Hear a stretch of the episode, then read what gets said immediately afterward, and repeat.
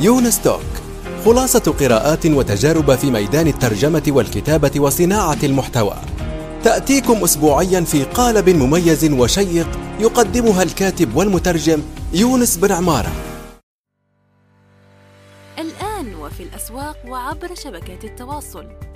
رواية إفيانا باسكال للكاتب يونس بن عمارة.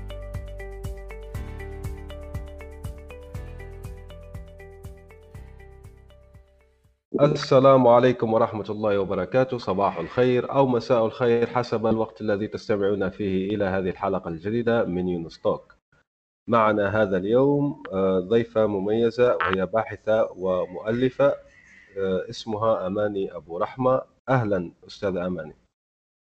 أهلا. أهلا فيك وبضيوفك أنا سعيد جدا أنك قبلت الدعوة لننهل من خبراتك وعلمك العميق. شكرا جزيلا. شكرا لك شكرا كثير شكرا على المقدمة كمان الحلوة. الله يخليك يا رب. طيب آه، يعني خلينا ب...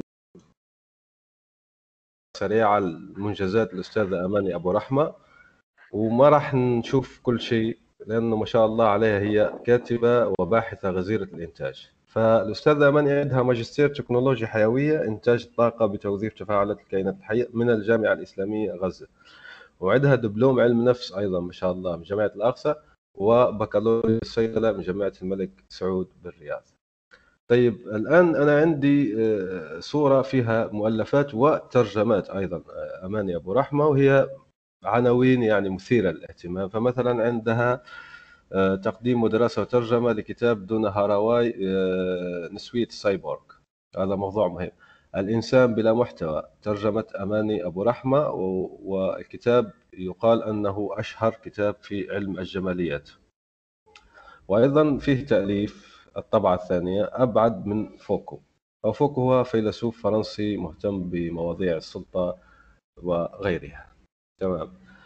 خلينا نبدأ بالأساسيات وليكن في علمك أستاذ أماني هو جمهور هذه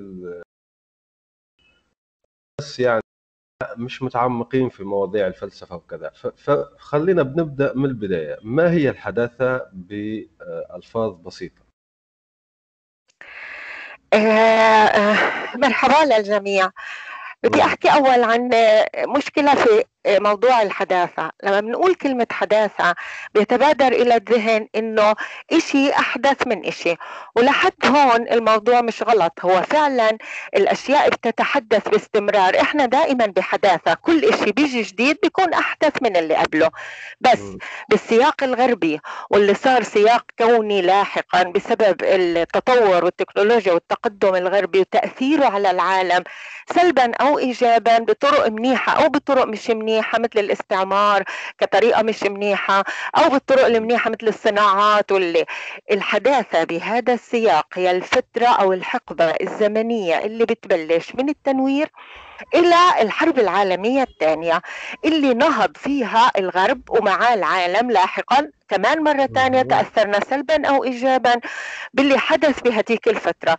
التقدم الصناعي الهائل غير المسبوق اللي بلش باختراع هاي الآلة البخارية وما تبعها من صناعات كتير كبيرة وتقدم بالطب واختراع الفاكسينز واختراع آه، آه، أجزاء يعني ال anatomy وال physiology تبع الجسم.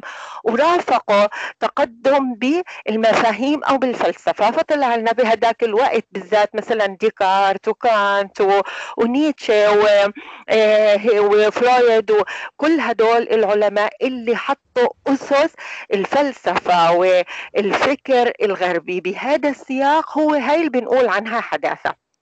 إذا أنا قلت كلمة حداثة تحولت إلى مصطلح بشير لهذيك الفترة لعند الحرب العالمية الثانية. خلينا نقول كمان ما بين لكن بأواخر هاي المرحلة مثل كل مرحلة بالدنيا بتبدأ في نوع من الزعزعة بتبدأ في مسافة نقدية آه، بياخدها المفكرين والعلماء من واقعهم فبيبدوا يتململوا والمسافة النقدية هاي هي اللي بتكون إرهاصات المرحلة يلي بعدها. نقدر نقول إنه حتى من هيجل يمكن والعلماء اللي بعده نيتشه فرويد هدول بدوا يتململوا من هديك الفترة وبدت عندي إرهاصات للمرحله يلي بعدها. شيء طبيعي إنه لما يجي حدث رح يبقى بعدها بعد الحداثة. ليه صار اسمها بعد الحداثة؟ عشان الحداثة صارت ال reference point تبعيتي.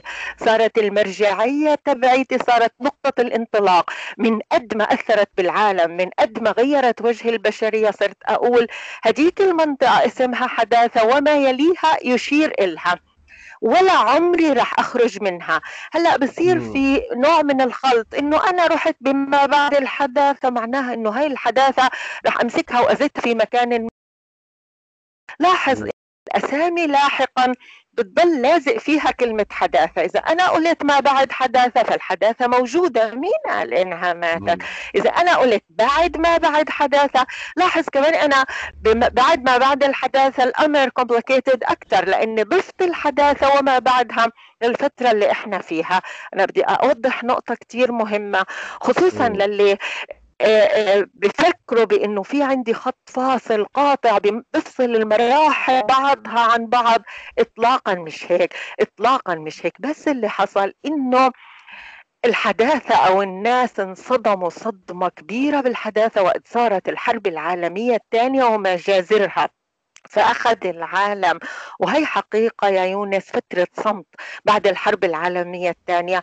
هلأ بغض النظر عن شو صار بهديك المرحلة لكن الإنسان عموما وقف مشدوه. قاعدين بتقولوا لنا بأنه الإنسان عاقل لاحظ أنه سمات الحداثة كانت بتدور حوالين الإنسان العاقل المفكر الذاتي الواحدة اللي عايشة ضمن أسوارها اللي ما عم تتأثر ولا بأي سياق اللي بدها تسيطر على البشرية اللي العلم يعني بإيديها وقاعدة بدها توصل بدك هيك بقول لك رح نوصل للأبسوليوت أو المطلق. الأشياء هاي كلها انتهت معقول هذا ينتهي بمجازر؟ صارت عندي هاي الصدمة. لما بديت أصحصح وأبدأ أحكي صار اسمها ما بعد حداثة. إجيت لمنطلقات وأسس الحداثة أخلخلها. انقدها من ضمنها الإنسان فقلت موت الإنسان. من ضمنها الذات. ال unified هذه subject هذا صار عندي اطلاقا صار عندي ذات منقسم. بداية انقسامه كانت مع فرويد. بس كملنا موته مع مع فوكو مع دولوز مع كل علماء بعد ما بعد الحداثة. العلم هلا العلم الحداثة قالت لي بيوصل لتقدم البشرية. إطلاقا صرنا نقول ما بيوصلش لتقدم البشرية. في بعض الأحوال بقى بتقدر أنت تفهم ما بعد الحداثة يونس مثل إن بنعيش ما إن جبت سيرة علم النفس أعراض ما بعد الصدمة. كل إشي أول إشي دينايل بنكر كل شيء بعد هيك بنقد كل شيء بعد هيك بعقل وببدأ أفهم من أول وجديد. تقريبا هذا اللي صار عندي. أول انكرت بعد هيك قلت العلم العلم هذا ابدا الإنسانيات أهم من منه. بعد هيك عملت توفيق ما بين العلم والإنسانيات. وهكذا دولك بكل سيمة من سمات الحداثة. إذا صار عندي تغيير كمان بدي أحكي نقطة مهمة إنه هذا التغيير عادة بيبقى بكل شيء بالرافعة اللي كانت عندي بالحداثة هي الصناعة. فكلنا كلنا كمجتمع بنتمحور حوالين الصناعة. بعد هيك صرنا بمجتمع ما بعد الصناعة اللي هو ما بعد الحداثة. هلأ نحن عندي رافعة جديدة مختلفة تماما الرقمية والتقدم الهائل بالتكنولوجيا الحيوية بعلم الجينوم طيب خليني آه، آسف على مقاطعتك يعني وأنت شرحتي آه، كانت عندي بعض الأسئلة يعني في الموضوع وأنت مسيتيها زي ما نقولوا كانت عندي سؤال ما هي أهم سمات الحداثة وهي العقل وتمحوره حوله؟ بعدين أنت شرحتي مشكورة كيف نشأت ما بعد الحداثة؟ وهي عبارة عن صدمة لما أوصلتنا إليه الحداثة. بس خليني أقول لك أول شيء يعني وبإيجاز زي ما نقولوا هل الإنترنت تنتمي؟ أنت لأنك حددت الحداثة من وأعرف أن هذه التقسيمات مش مش صارمة جدا. بس بشكل عام هل الإنترنت بدايات الإنترنت 1960 أعتقد يعني بدايات الأولى تبعها يعني حتى ككونسبت كمفهوم. تنتمي للحداثة أقصد البدايات وليس التطور الحالي في الإنترنت أو آه، آه، إلى ما بعد الحداثة. هلا الإنترنت من الإسم؟ من الإسم رح تقول عنه ما بعد حداثة. وين ما لقيت شبكة؟ كانوا ناس تعرف إنه إحنا ما بعد حداثة. ليه؟ لأنه السمة المميزة للحداثة كانت الخطية. التقدم الخطي والهيكلية. وين ما أقول كلمة نت اعرف إنه أنا بما بعد الحداثة هي اللي حولت الأمور والسلطة. مثل ما قلنا فوق بدل السلطة الهرمية تبعت ماركس إنه في عندي بنية فوقية وبنية تحتية والسلطة هذه إشي okay أو entity بقدر أخذها من ناس وأعطيها لناس. اجى فوكو وقال لك اطلاقا السلطة هي موجودة بكل نقطة. أنا إلي سلطة عليك إنت لك سلطة علي ونحن قاعدين بنتصارع كسلطات. إذا تحولنا للشبكة. للعلاقات التبادلية.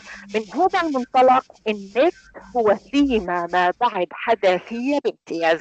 من ناحية تضافر المعلومات تضافر التخصصات. ما عندي؟ يعني النت بيجمع لي الخوارزميات اللي هي رياضيات مع علم الاجتماع مع علم النفس مع الألوان مع الفن. آه، مع السياقات الثقافية. بحول لي السرد اللي هو الكلام الحكي التكست بحوله لرقمي وبعدين بيطلع لي إياه بصورة. هاي الخلطة لا يمكن تكون حداثية لا يمكن تكون حداثية إذا النت كله بعد حداثي. ازدهاره بال 2003 ووصوله لكل العالم غير وجه العالم كله فقلنا إنه إحنا انتقلنا إلى حقبة جديدة. الحقبة الجديدة اللي سميناها اسم هيك سخيف اسمه بعد ما بعد الحداثة نقدر نقول عنها الرقم إحنا هلا بهذا العصر اللي إحنا فيه التشفير. بنحول كل شيء لكود هذا بنعبره بالكمبيوتر كله. حتى جسم جسم الإنسان. لما فكينا الجينوم البشري وعرفنا تركيب ال nucleotide حولناها لرقميات ودخلناها بالكمبيوتر. إذا إحنا هلأ بنعيش كأفاتار أنا هلأ عم أحكي في بيتي لكن في كائن ثاني اسمه اماني عايش على بالعالم اللي هو الافتراضي أكثر مني. بيرجع بالواقع حتى صار مش العكس مش أنا عايشة بالواقع والأفاتار تبعي بيروح شوي هناك. لا لا لا الأفاتار اللي هو عبارة عن معلومات كائن معلوماتي قاعد بالفضاء الافتراضي بعض المرات بيجي عباله يروح على الواقع شوي وبرجع تاني. هي هي الثمان ما بتنتمي للحداثة أبدا؟ آه، خليني أسألك أنت ذكرتي نقطة الأفاتار مهمة جدا هنا. خليني أسألك من ناحية علم النفس مدام أنت أيضا متخصصة في هذا الموضوع. تأثيرات هذه الإزدواجية على آه، نفس الإنسان؟ يعني فيه كثير من الناس ودراسات يعني كثيرة جدا أنه السوشيال ميديا كمثال واللي واللي هي من الفضاءات اللي يعيش فيها الأفاتار هذا اللي حكيت عليه هو ممكن تمثيل رقمي لحيوات حيواتنا يعني جمع حياة آه، الشخصية أثرت سلبا نفسيا عليهم. يعني ماذا يقول علم النفس في هذا الموضوع في الازدواجية هذه بين العالم الرقمي والعالم الواقعي؟ هلا آه يونس إحنا مش عايشين ازدواجية إحنا عايشين multiplicity أنا إلي 100 مليون شخصية بخلقهم بلحظات بسيطة. هلأ في في يعني أقول عمر الناس ما اتفقت من الصعب إنه الناس تتفق ومن الغلط إنه الناس تتفق. في ناس بيقولوا لك إنه الإنسان قادر قادر إنه يتمثل بكل هاي الذوات وإنه ممكن هاي الذوات تعمل ريليف لبعض المشكلات اللي عند هذا الإنسان. عرفت كيف؟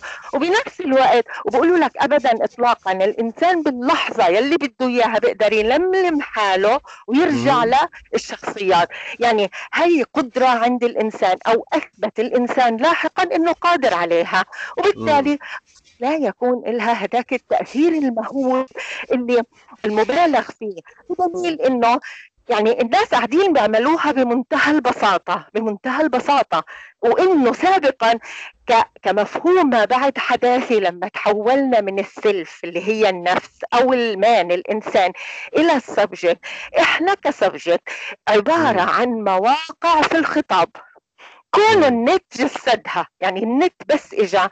بتقدر تقول بأنه الإنترنت وثقافته هيك هي تجسيد للسمات ما بعد الحداثية.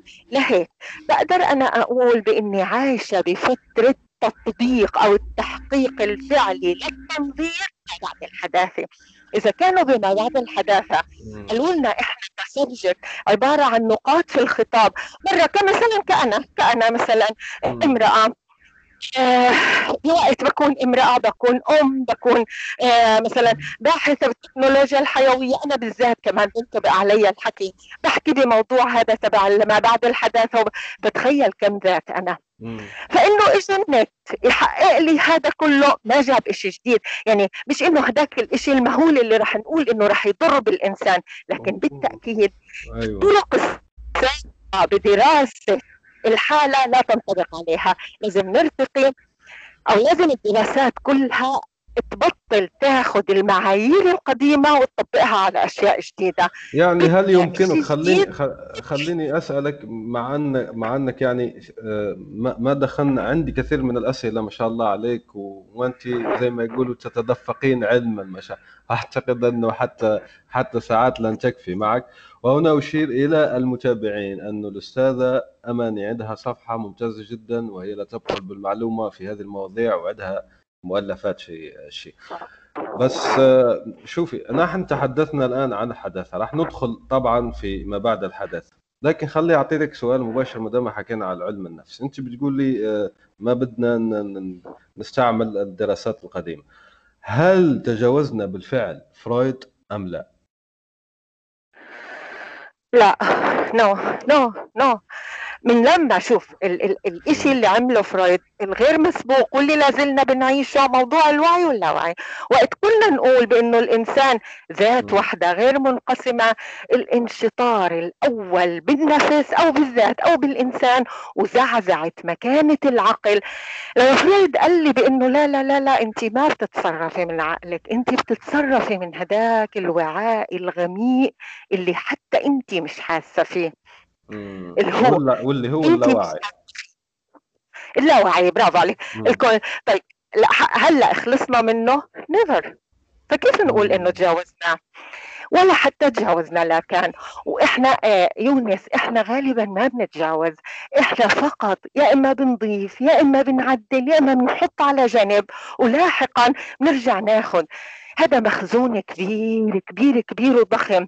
معالم يعني ناس مثل هيجل مثلا اللي بنقول عنه الحداثي الصارم وال linear وإنه عم نمشي بخطى. ثابتة آه، بالأطروحة ونقيض الأطروحة لحتى نوصل لل absolute وما بعرف شو الإنسان يكون واعي بذاته.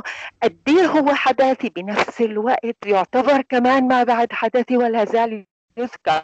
ما بقدر أقول إني أنا بعدت عن فرويد؟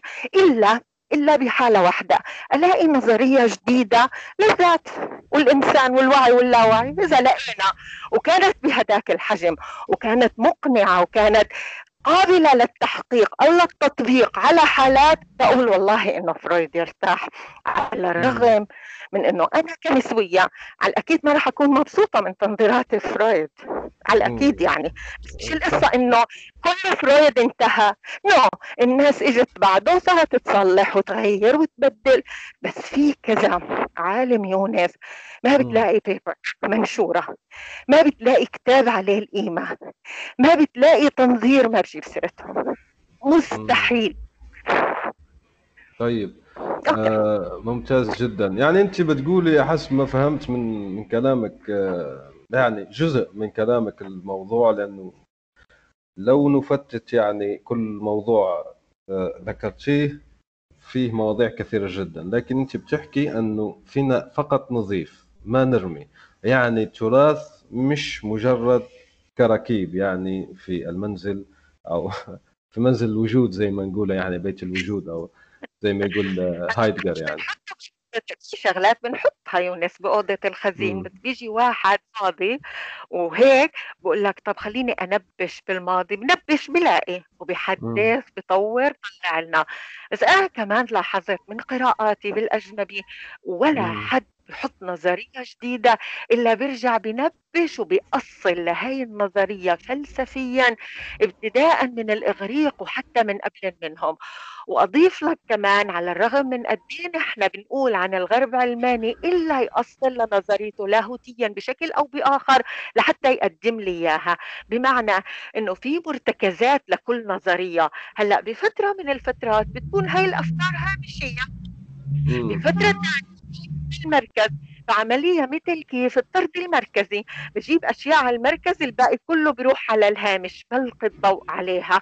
برجع بجيب إشي من الهامش وبخليه بالمركز. لأنه الإنسان يخترع إشي من أول وجديد غير مسبوق. يبدو أنه هذا العصر تبع الأصالة وإني أجيب أحد جابه من قبلي. غالبا أقول لك انتهى. خليني أقول لك إنه تقريبا انتهى. نحن قاعدين بنعمل ما يسمى في ال post production we have أشياء وقاعدين بنعيد تركيبها بنعيد تصفيفها بنعيد تنظيمها بنعيد فهمها هذا الإشي بنطبق على السرد بنطبق على الفن. الفنانين صاروا بيقولوا لك ما في إشي جديد نجيبه. كل الصور تصورت كل الرسمات ارتسمت كل إشي انعمل. إذا إحنا بهاي الفترة في المونتاج في الريمكس في إعادة الإنتاج في ال post production طبق هذا الحكي على كل شيء بمعنى هذا بقرأ مثلا بس إنه بدي اقطعك شوي. هذا بقرأ هلأ قد إيه؟ إنه الإنترنت تجسيد فعلي للنظرية تبعت ما بعد البنيوية اللي هي تبعيت آه إنه ما في ذات وإنه المؤلف مات وإنه آه قد إيه وال rhizomes تبعيت دولوز وجوتاري والجذمور هاي إنه النت هو التجسيد الفعلي لهي النظرية. ما في مؤلف بالنت ما في مؤلف في hypertext في النص تبع بارت اللي هو بنقرأ من أي مدخل أنت بتدخله في عقد نصية. عندك إذا ألف ليلة وليلة ما من مؤلف فيها وهي من أروع الروائع الموجودة في العالم. وهي هيك. هذا هو هذا اللي أنا بدي أقول لك إياه إنه أنت قلت إنه ما في كركب. لا هي مش كركب مش إحنا مثلا إحنا عندنا هاي العادة كفلسطينيين. الله يرحمه بابا كل بابا خلينا نرميه يا بابا. لا لا لا يا بابا ليه نرميه؟ بنحتاجه. عمرنا ما احتجناه وإذا احتجناه ما بنلاقيهوش وبنجيب غيره؟ بس أوضة الكراكيب لا تكون موجودة. معضله فعلا ما كلامك قلت التراث لأنه في ناس ممكن زي العروي زي بعض المفكرين بيدعوا إلى قطيعه مع التراث. فأنا قلت لك أنت أيضا إذا ما تشوفي التراث عبارة عن كراكيب بدنا يعني نتخلص منها بدنا نديها ل آه زي ما نقولوا مزبلة سواء مزبلة تاريخ أو أي مزبلة افتراضية أخرى يعني. فالمهم نتخلص منها بنعمل قطيعة يعني. فأنت قلتي لا قلتي كل شيء نحن بنضيف إليه بالعكس ممكن يمثل مزيج للابتكار. أنت كنت الآن حطيت يعني حطيت يعني زي ما نقولوا فكرة عن الابتكار لأنه ممكن اللي يسمعنا ما عنده أي اهتمام أصلا بالحداثة وما بعد الحداثة. وأنا عن عمد حاولت أني أحاورك ليش؟ لكي أقول أنه فيما بعد الحداثة والحداثة في أفكار فيك أن تفيدك مثلا أنت كعامل عبر الإنترنت. فلما بتعرف أنه ما في فكرة جديدة وزي ما قال سفر الجامعة على جديدة تحت الشمس أو كذا وكذا وكذا فأنك أنت الآن هنا عندك طريقة الابتكار وهو عبارة عن مزج شيئين أو أكثر أو ثلاثة أو أربعة يعني أو أكثر فتخلق شيء جديد وهذا هو روح العصر. برافو صح والله. تماما. حبيت حبيت بس ألخص يعني للناس البسطاء. هو هيك هو هذا العصر اللي إحنا موجودين فيه. تمام. حكينا على الحداثة احكي لنا عن ما بعد الحداثة وبعدين راح ندخل فيما بعد بعد الحداثة. تمام. هلأ بما بعد الحداثة حكينا عن الصدمة اللي صابت البشرية وأنا قرأتها سموير بس مش عارفة بالضبط وين. البشرية قعدت سنتين وهي بس بتلملم جروحها. أعراض ما بعد الصدمة كمان. ال post traumatic syndrome هلأ اللي بعدها بلشنا. أول إشي نقضنا العقل أول إشي هجمت ما بعد الحداثة على العقلانية الحداثية وأثبتت بأنه العقلانية أو العقل مش هو المحرك الرئيسي للبشرية واستندت بهذا الحكي على كانت نفسه وعلى حتى على فلاسفة حداثيين. رجعنا تاني للنقطة الثانية الأساسية كانت الذات. الذات الموحد اللي بينطلق من منطلقات وأسس لا تتغير. قلنا عنه ذات سياقي عبارة عن نقطة بالخطاب رجعنا للسلطة ونقضناها قلنا أبدا ما في سلطة كإشي مادي. يكون معي تقوم أنت تاخده فتصير السلطة إلك. لا لا إحنا كلنا مع بعض. الأستاذ والطالب بينهم وبين بعض سلطة. حالة واحدة بس اللي هي السلطة بتبقى سلطة. تعسفية قمعية لما يكون واحد عاجز تماما والتاني بإيده كل السلطة. وهي حالات حقيقة مش كتير موجودة. انتقلنا للتفكير. انتقلنا للتفكيك صرنا نقول بإنه الفلسفة الغربية من أيام أفلاطون أو الخطأ الكبير اللي كان اللي أخطأه أفلاطون وعد البشرية كلها هي الثنائيات الحاسمة. إنه العالم هذا مهيكل على اثنين على ثنائيتين. خلينا ناخذ منهم مثلا كذكر أو أنثى. ذكر وانثى وانه الخط بينهم يعني مثل حد السكين وهي الميتافيزيكس حتى لو الغرب ما قالها وانها بتعتمد على الحضور إنه الحضور هذا بيمثل الذكر الأبيض الغربي المغاير جنسيا وتقريبا المتعلم أو من الطبقة الوسطى. هذا مفهوم الإنسان كان. إجينا بالتفكيك تبع دردا على كافة المستويات وفكرنا هاي وفتحنا المجال اللي بينهم.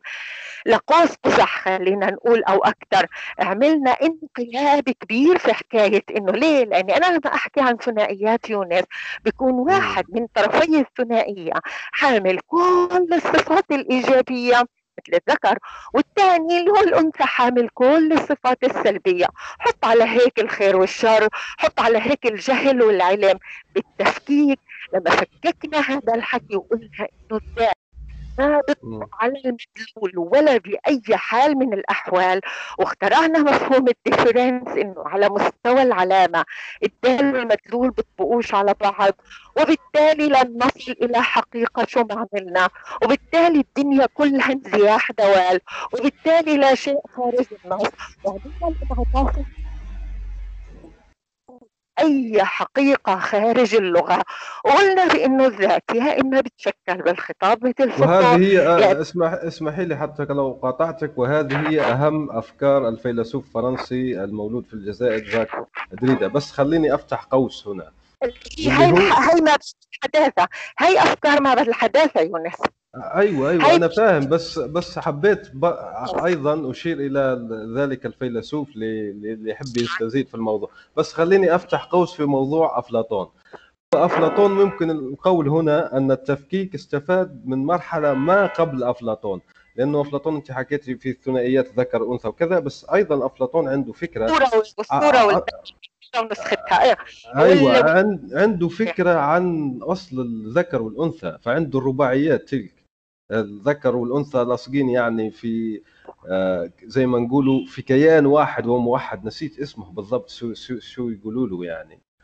آه، فيه فكرة أنه أصل الذكر والأنثى كانوا مثلا عبارة عن آه، متوحدين ثم جت قوة إلهية أو قوة عظمى أو لا أدري. فقسمتهم فأصبح لدينا الآن ذكر وأنثى. بس في الميثولوجيا لو قلنا نعم في يعني ميثولوجيا أفلاطونية يعني علم أساطير أفلاطوني فأصل الذكر والأنثى ما كانوا يعني من الأول من أول الخلق يعني كانوا منفصلين تماما لا بل كانت فيه مرحلة كانوا يعني آه، زي ما نقولوا ما في ما فيك أنك تقول مثلا هذا كيان ذكر أو أنثى. انت شو رأيك في هذه الموضوع؟ عن التفكيك ممكن رجع إلى عهد ما قبل أفلاطون يعني. خليني أحكي لك بإنه إحنا كمان انتقائيين. وقت أخذنا أفلاطون تركنا ثقافات ثانية بتقول إنه مش بس الدنيا ذكر وأنثى. الثقافة الهندية الشرقية مثلا من الثقافات الشرقية بتقول إنه ما بين الذكر والأنثى في خمس أجناس معترف فيها. عرفت كيف؟ هم هدول أفلاطون درجة ودولوز آه، كيف أقول لك؟ بيلوموا الثقافة الغربية إنها ما انتقت وإنها ولا ما هو الثنائيات والترتيب الهيكلي. والتفكيك اجى ليهدم هذا التفكيك. أما شو في اساطير أساطير كثير مليا الدنيا مثلا عندك حكايه الضلع وال الضلع الاعوج وه... يعني هاي القصص حتى لو إجيت لها بتلاقيها بتخالف بعض النصوص اللاهوتية. بس م. ليه؟ الفلسفة الغربية اختارت هذا الإشي ومشيت عليه. هذا هو أو هاي ال metaphysics تبعيتها اللي حاولت ما بعد الحداثة منك أنت بتقول لي شو هي ما بعد الحداثة؟ إجت انقضاض على المفاهيم الحداثية على الثبات على الجمود على العقلانية على التقدم الخطي. على التمركز الأنثروبي اللي هو التمركز حوالين الإنسان على إنه الطبيعة هي عبارة عن موارد ويلا يا إنسان يا متفوق اقضي عليها مثل ما بدك.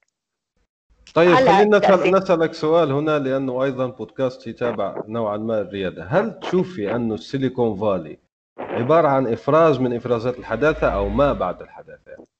لا أنا بغض, هلأ بغض النظر عن مخرجاته لأنه هو هو كأشخاص مثلا في شركه في, في شركات جدا استغلالية يعني. بتفكر آه. بالأفكار هذه هذا يونس من تعقيد الوضع اللي إحنا فيه.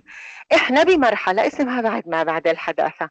وهذه السيليكون نموذج في بعض جوانبه حداثي صارم بحت خصوصا في قضية استغلاله للآخرين إجمالا بحيث أنه بنفيهم من تعريف الإنسانية.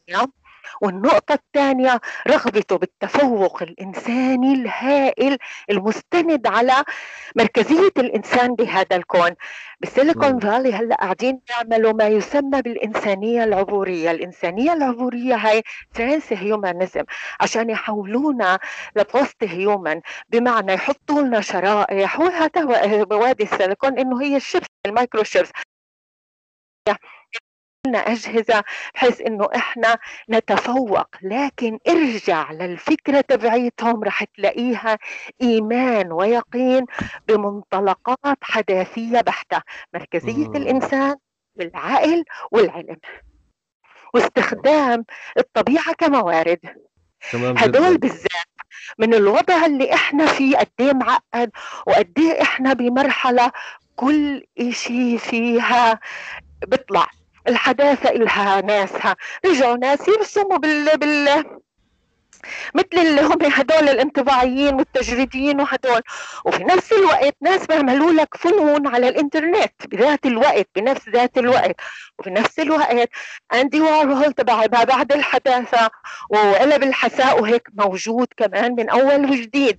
اذا إحنا مختلط الوضع اللي إحنا فيه من الصعب يونس تحدده بمصطلح واحد. وهذا هو لب بعد ما بعد الحداثة إحنا تقريبا في عصر تخصصات متضافرة وكل إشي بيمشي وفي عصر كمان بتقدر تقول إنه إحنا في الفردية الفائقة كل واحد بمزاجه بيعمل اللي بده إياه. بس كثير حبيت سؤالك عن وادي السيليكون باعتباره بيمثل منطقة بتمثل قسوة الحداثة. فعلا ولأنه للأسف تمثل أحلام بعض الشباب. فأنا حبيت أضيء هذه النقطة أنه يا يونس لما يحول البشر لفاست هيومن بطريقته. بطريقة الهي معناها رح يخلق نوع جديد من العنصرية. رح يبقى أنا الإنسان اللي ما عندي ولا أي إضافة داخل جسمي شيء قديم وعفى عليه الزمن ويو مسكينة أقرب ما أكون لهدول الأوليات. والآخر هو أكبر ماشي يعني. إيه. والشخص هذا اللي قاعد عنده إضافات كثيره متقدم علي ذكاء متقدم علي بالرؤية بشوف من عينه من وراء أو بشوف أكثر مني مجال الرؤية تبعه أكثر مني. بخلق نوع جديد من العنصرية. هاي الترانس هيومانيزم هلأ تحولت إلى ما يشبه الدين. والناس اللي فيها آلهة. لأنهم صاروا من كثر ما هم انخوتوا بحالهم صاروا يعتقدوا حالهم إنهم بيخلقوا بيخلقوا خلق. هي منطقة بتقدر تحط عليها هيك دائرة وتقول عنها بقعة خاصة فلسفتها فلسفة خاصة بتختلف عن أي أكيد أكيد ما مرت بسلام. ناس كتير قاعدين بحطوا فلسفات مضادة أو فلسفات مقاومة لهذا الإشي. صح. انت ذكرت نقطة مهمة واللي هي أو مصطلح مهم هو post-human أو ما بعد الإنسانية أو الإنسانية المتطورة. في أيضا مصطلح شبيه مش شبيه يعني في كلمة في لاحق بادئة post ولا post-truth ولا بعد الحقيقة. هل نحن نعيش الآن في عصر ما بعد الحقيقة؟ وإذا كنا نعيش في عصر ما بعد الحقيقة طيب فين نتشبث؟ يعني فين الحقائق؟ إحنا صحيح. وسائل التواصل الاجتماعي اللي خلقت عالم ما بعد الحقيقة. أي حد أي حد بيقدر يخترع اختراع يعني آه، قصدي كيف اختراع؟ مش اختراع مادي يفبرك قصة ويحطها ويجيب ناس تحط له لايكات وهيك وتتحول لحقيقة. يعني يروجها كما لو بالوقت اللي إلها أساس بالخارج؟ هذا الحكي صحيح. وسببه الأساسي هدول تبعون التواصل الاجتماعي. والناس مثلا واحد بحط السي في تبعيته. اطلاقا مش موجودة أكثر من هيك يونس. هلأ بالذكاء الاصطناعي صرنا نخلق بشر صور بشر.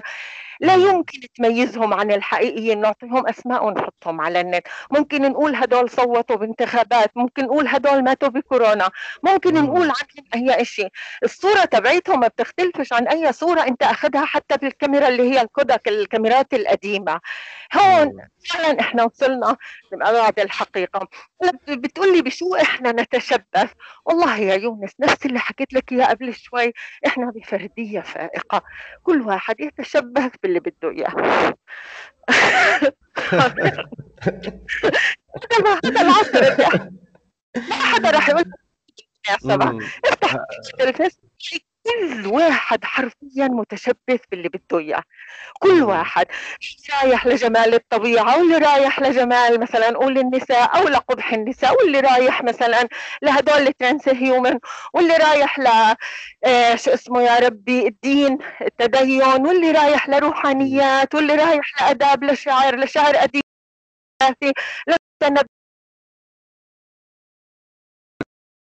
تذكرت كلامك فقال إنه الهوى فعلا زي ما قال ابن عباس رضي الله عنه أعظم إله يعبد من دون الله لأنه حتى لو عبد الله هو في الحقيقة يعبد هواه تصوره للدين الإسلامي زي أنت ما حكيت إنه ممكن في ناس يقول لك لا في القابضين على الجمر والدين ويعني بالمنهج اللي هو. أنا حبيت فقط اشير واحد ولا اثنين بيشبهوا بعض ولا اثنين بتطوروا بذات الطريقة. فيبدو إنه بابل برج بابل اللي انهار والبابلية بأوسع يعني تصوير إلها هي اللي موجودة حاليا. إيش ما بدك بتلاقي وين ما بدك بتلاقي؟ هذا الحكي ما كانش ضابط بالحداثة الحداثة كانوا كلهم هيك مثل بعض نفس التفكير نفس الأفكار نفس اللبس نفس التركيبة الهيكلية كله كله هيك. أما هلأ بس بدي اوضح نقطة آه، كثير يعني مناسب الوقت إني أحكيها. أو أنا هو بس خليني أكد عليها إنه وقت الحداثة وقت ما بعد الحداثة فككت المسلمات الحداثية. إحنا هلأ عايشين بهذا التفكيك. إحنا هلأ عايشين بضجيج تكسير الحدود اللي عملته ما بعد الحداثة. فيش حد بين الإنسان والحيوان. بدليل إنه ممكن ياخذوا جزء من الجينوم تبع أي حيوان ويحطوه بالإنسان. وما يشكي ما يشكي الانسان إذا ما في فرق مزبوط فيش فرق بين الإنسان والآلة. بدليل والله إنه إحنا قاعدين بنتقبل أي إضافات وزوائد بجسمنا وعم نمشي فيها وسايبورغ وعاديين ولا أحلى منا. فيش فرق بين الخير والشر. هذا تبع الانعطاف اللغوية اللي هو طالما عندك القدرة يا يونس على إنك تبرر كلامك وتقنع الناس فيه فهو حقيقة. ما بحيل على حقيقة فيش فرق بين المادي واللا مادي بدليل إنه أنا لا مادية بالنت ومادية بالواقع غير مادي. تمام. احكي لنا الآن شوفي نحن مرينا على الحداثة وما بعد الحداثة وخلينا نختم بما بعد ما بعد الحداثة. يعني شو هي بالضبط هذا المصطلح؟ دائما خلينا نقول إنه بصير إشي هيك كبير بالعالم يونس بتفلت الأمور بصير إنه التطبيقات أو النظريات بطلت تنطبق على الواقع عرفت كيف؟ فهم قصدي؟ بمعنى إنه بعد 11 سبتمبر مثلا على سبيل المثال بما إنه إحنا كلنا سياق غربي بس بسبب العولمة وخلافه وسيطرة الغرب على العالم شو ما بيعملوا بمس البشرية كلها؟ فمثلا بلاقي دائما سؤال يا الله إحنا ما عشنا الحداثة كيف ما عشنا الحداثة؟ مش ركبنا سيارات ثلاجات وغسالات مش كان في استعمار بالحداثة؟ وكان في نفي لأي إنسان غير الإنسان الأبيض؟ وعشنا هاي المرحلة وعشنا العنصرية وعشنا العنصرية ضد السود وهاي كيف ما كنا بالحداثة؟ نجي لما بعد الحداثة كيف ما كنا بما بعد الحداثة يا جماعة؟ كيف ما كنا كنا فيها وعشناها. زينا زي أي مكان بالعالم. زينا زي أي مكان تاني بالعالم. بما بعد الحدث قاعدين كلنا أنا وإنت هلأ إحنا سايبورغ بيقولوا لك ما عشنا بعد ما بعد الحداثة. النت بتغبل فينا. الفحص الجينوم هلا كل ما تشكي بيقولوا لك اعمل تحليل للجينوم شوف النيوكليوتيدات تبعونك عشان نعرف المرض عشان نخصصه لإلك ال biomedicine كله هذا بعد ما بعد حداثة. المسلسلات أو اللي هم الأحداث الضخمة. اللي نقلتني لما بعد الحداثة انتشار النت 2003 آه شو اسمه هذا؟ انفجار البرجين هذه 11 سبتمبر انهيار جدار برلين آه وايش كمان وكشف الجينوم البشري. لما عملناها كله لما كلينتون طلعوا أعلن بإنه نحن حولنا الإنسان لكتاب مفتوح عم نقرأه لما كشفنا كل الجينوم البشري. ولما اتحدت الرقمية مع البيولوجيا وبطل جوهر الإنسان عبارة عن لحم ودم وروح تحول إلى معلومة information. أنت بتعطيني معلومة من جسمك لك إلها قيمة وأنا بدخلها على الكمبيوتر بقوم بتشغل فيها بقوم بطورها بحسنها بخصخصها. شركات الاستغلال هي اللي بتخصخص حتى الجينوم البشري. هذه النقلة كلها بطلت التطبيقات الحداثية الأفكار ما بعد الحداثية تنطبق عليها. إذا هون بقول لازمني إشي تاني لازمني تنظيرات تانية. تمام هيك. جدا. هيك بتصير التحولات. مثلا خليني أقول لك 11 سبتمبر على سبيل المثال كانت أوروبا بتنادي بالتسامح وتقبل الآخر تحول شبه دين. إذا أنت ما بتتقبل الآخر آه معناها إنه هذه وصمة عار وإنه ما بتترشحش لانتخابات تتقبل كل الآخر. بعد 11 سبتمبر انقلبت على هذا انقلبت حتى على الليبرالية تبعيتها وصارت حدودها وكمان انقلبت على حرية الإنسان. بتروح انت على مطار من المطارات بطلوا ياخذوا اسمك والله وعنوانك صاروا ياخذوا ال biometric تبعونك القزحية تبعيتك البصمة الدم كل ال bio تبعك. وصاروا يعتقلوك يفتشوا بيتك ويعتقلوك بحجة الإرهاب. اذا فاهم كيف قصدي كيف الأمور بتتغير. ما كنت قبل نرحب بالأجانب ونحتفي فيهم وما احلانا خصوصا كرغبه من العالم الغربي هذا الاستعماري إنه يكفر عن ذنوبه تبعت الاستعمار أو يغطيها يرقعها.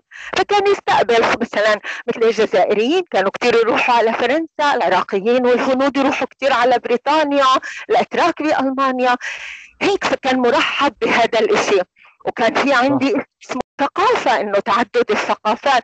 أكيد كان في أشياء تمشي بعكس هيك مثلا مثل الاندماج لازم أنت تأخذ ثقافة المتفوق. أوكي صحيح هي كانت موجودة بس الصيغة العامة إنه والله البشر متساويين الثقافات متساوية ما بعرف شو بس هلأ لا بعد 11 سبتمبر لا. يعني أنت بتشوفي انه أفكار هذا التفوق الأبيض وصعود اليمين وكذا تنتمي إلى بعد ما بعد الحداثة يعني فيه تمام. تمام. انقلاب انقلاب على بعض ما بعد الحداثة. الأفكار اللي كانت بما بعد الحداثة. تمام. وصارت بعد 11 سبتمبر. تمام. إيه. وحكيت كمان كنا مجتمع صناعي صرنا مجتمع ما بعد صناعي. أوكي؟ مجتمع ما بعد صناعي بما بعد الحداثة. هلأ إحنا مجتمع رقمي. فكل اللي كان بينطبق بالفترات السابقة بطل صالح للتطبيق.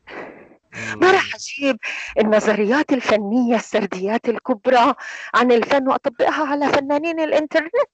مزبوط ولا لا؟ صح, صح. مزبوط لأنه أصلا يستعصوا عن عن النظريات النقدية اللي ما عاشت عصرهم يعني. إذا هيك هيك يا يونس بقول اني طلعت من ما بعد الحداثة وصرت بحاجة لنظريات تواكب التقدمات المهولة المتسارعة اللي بتحصل. كنا بالثورة الصناعية الأولى الثانية الثالثة إحنا هلأ بالرابعة. خليني أسألك هنا ممكن سؤال يبدو صعب نوعا ما وكذا بس هو عملي. الإنسان اللي يسمع المصطلحات هذه المخيفة حداثة وأقصد يعني مخيفة من تداعياتها يعني مش هي هي كمصطلحات. حداثة وما بعد حداثة وما بعد بعد حداثة و وما بعد الحقيقة وغيره. كيف يربي أولاده يعني الإنسان في هذا العصر يعني؟ ماذا يفعل؟ إنه كل يوم معلومة جديدة كل يوم يقول لك مثلا ما كنت أتصور هيك في الدين وطلعت كذا وهو ثقافته ليس محدوده للأسف يعني. فأصبح في ضغط كبير جدا يعني. كيف؟ هل أتركهم يعني زي ما بدهم؟ شو يقول لي مثلا؟ لأني بعد الحداثة أقول له يعني نحن في عصر ما بعد الحداثة أعمل زي ما بدك. مثل ما بدك. والله يونس أنا يعني كأم وكأم لحالي يعني إنه أنا بربي أولاد لحالي كثير بعاني ومثلي مثل كل الامات اللي بالدنيا بيعانوا والآباء. الله يقويك يا رب. السيطرة يعني مثلا أنا عندي شاب مثلا من الصعب إني أعرض عليه الأشياء من واقع الحرام والحلال كثير صعوبة. كثير صعوبة يا يونس يعني عن جد بتطلع فيها باستخفاف شديد شديد شديد. وبعدين فبرجع بضل أدور على إشي أفهم هو كيف يفكر لحتى ألاقي مدخل لتعديل أو لتغيير سلوكه أو لإقناعه. عارف كيف؟ كل واحد يعني عنده اولاده وهو عارفهم بالضبط.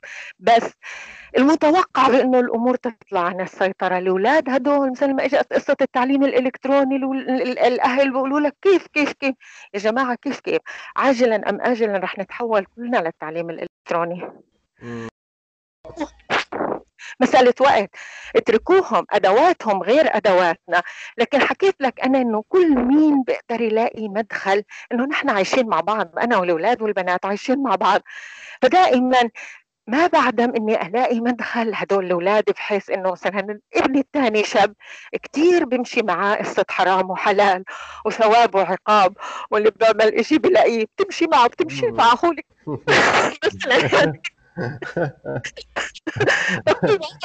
بعامله بطريقته يعني فهمت أيوة. كيف أص...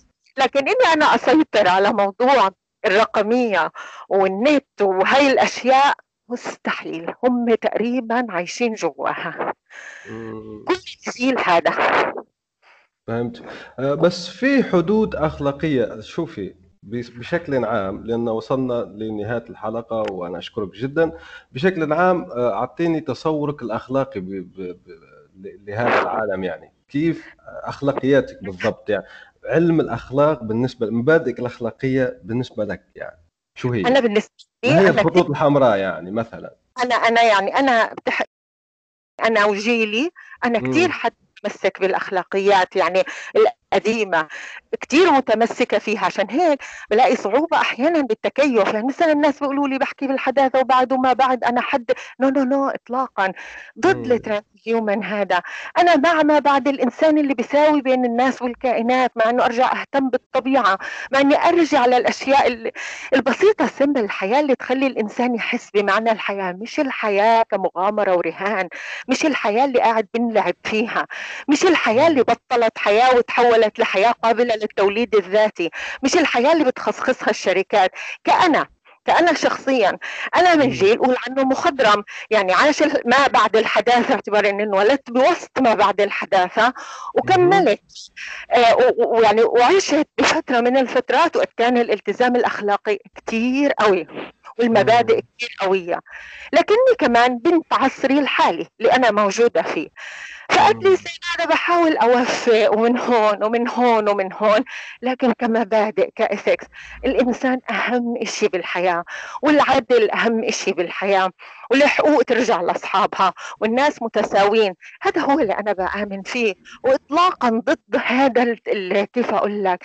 التهور غير المحسوب اللي قاعد بصير بالعالم بس برجع يونس مرة ثانية مين أنا بهذا العالم لأقرر غير إنه راح أحمي محيطي. أولادي أصحابي القرايبيني أهلي كل مين بقدر أأثر فيه. عارف كيف؟ وإذا في مثلا مقاومات من هالمقاومات لهي الأشياء اللي بتصير ممكن أنضم لهي المقاومات. لكن بالنهاية في قوى كثير ضخمة.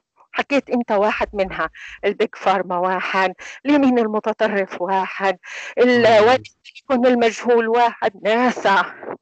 هولي هدول مين كان مين بيقدر عليهم؟ إلا إنه الناس تنتظم فعليا وحرفيا يا يونس بمقاومات حقيقية ضد هاي الشغلات. إن شاء الله. وهذه الحلقة عبارة عن حلقة لرفع الوعي وممكن يعني مساهمتي المتواضعة منك ومني في رفع الوعي وزي ما نقول نشر الأخلاقيات والإنسانية في هذا العالم. أنا أشكرك جدا أستاذ أماني وصلنا لنهاية الحلقة. شكرا لكم للاستماع. سلام. شكرا لك يونس. شكرا لكم كلكم. شكرا كثير. الآن وفي الأسواق وعبر شبكات التواصل. رواية إفيانا باسكال. للكاتب يونس بن عمارة.